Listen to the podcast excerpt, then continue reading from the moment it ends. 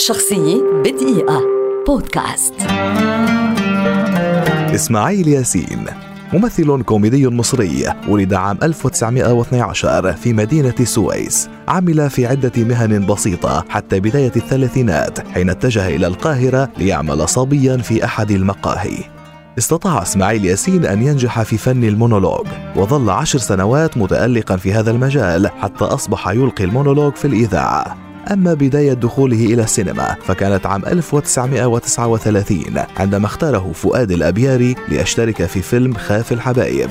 وفي عام 1944 جذبت موهبته انتباه أنور وجدي فاستعان به في معظم أفلامه. واستطاع ياسين أن يكون نجما لشباك التذاكر تتهافت عليه الجماهير وكانت أعوام 52 53 و 54 عصره الذهبي حيث مثل 16 فيلما في العام الواحد وهو رقم لم يستطع أن يحققه أي فنان آخر.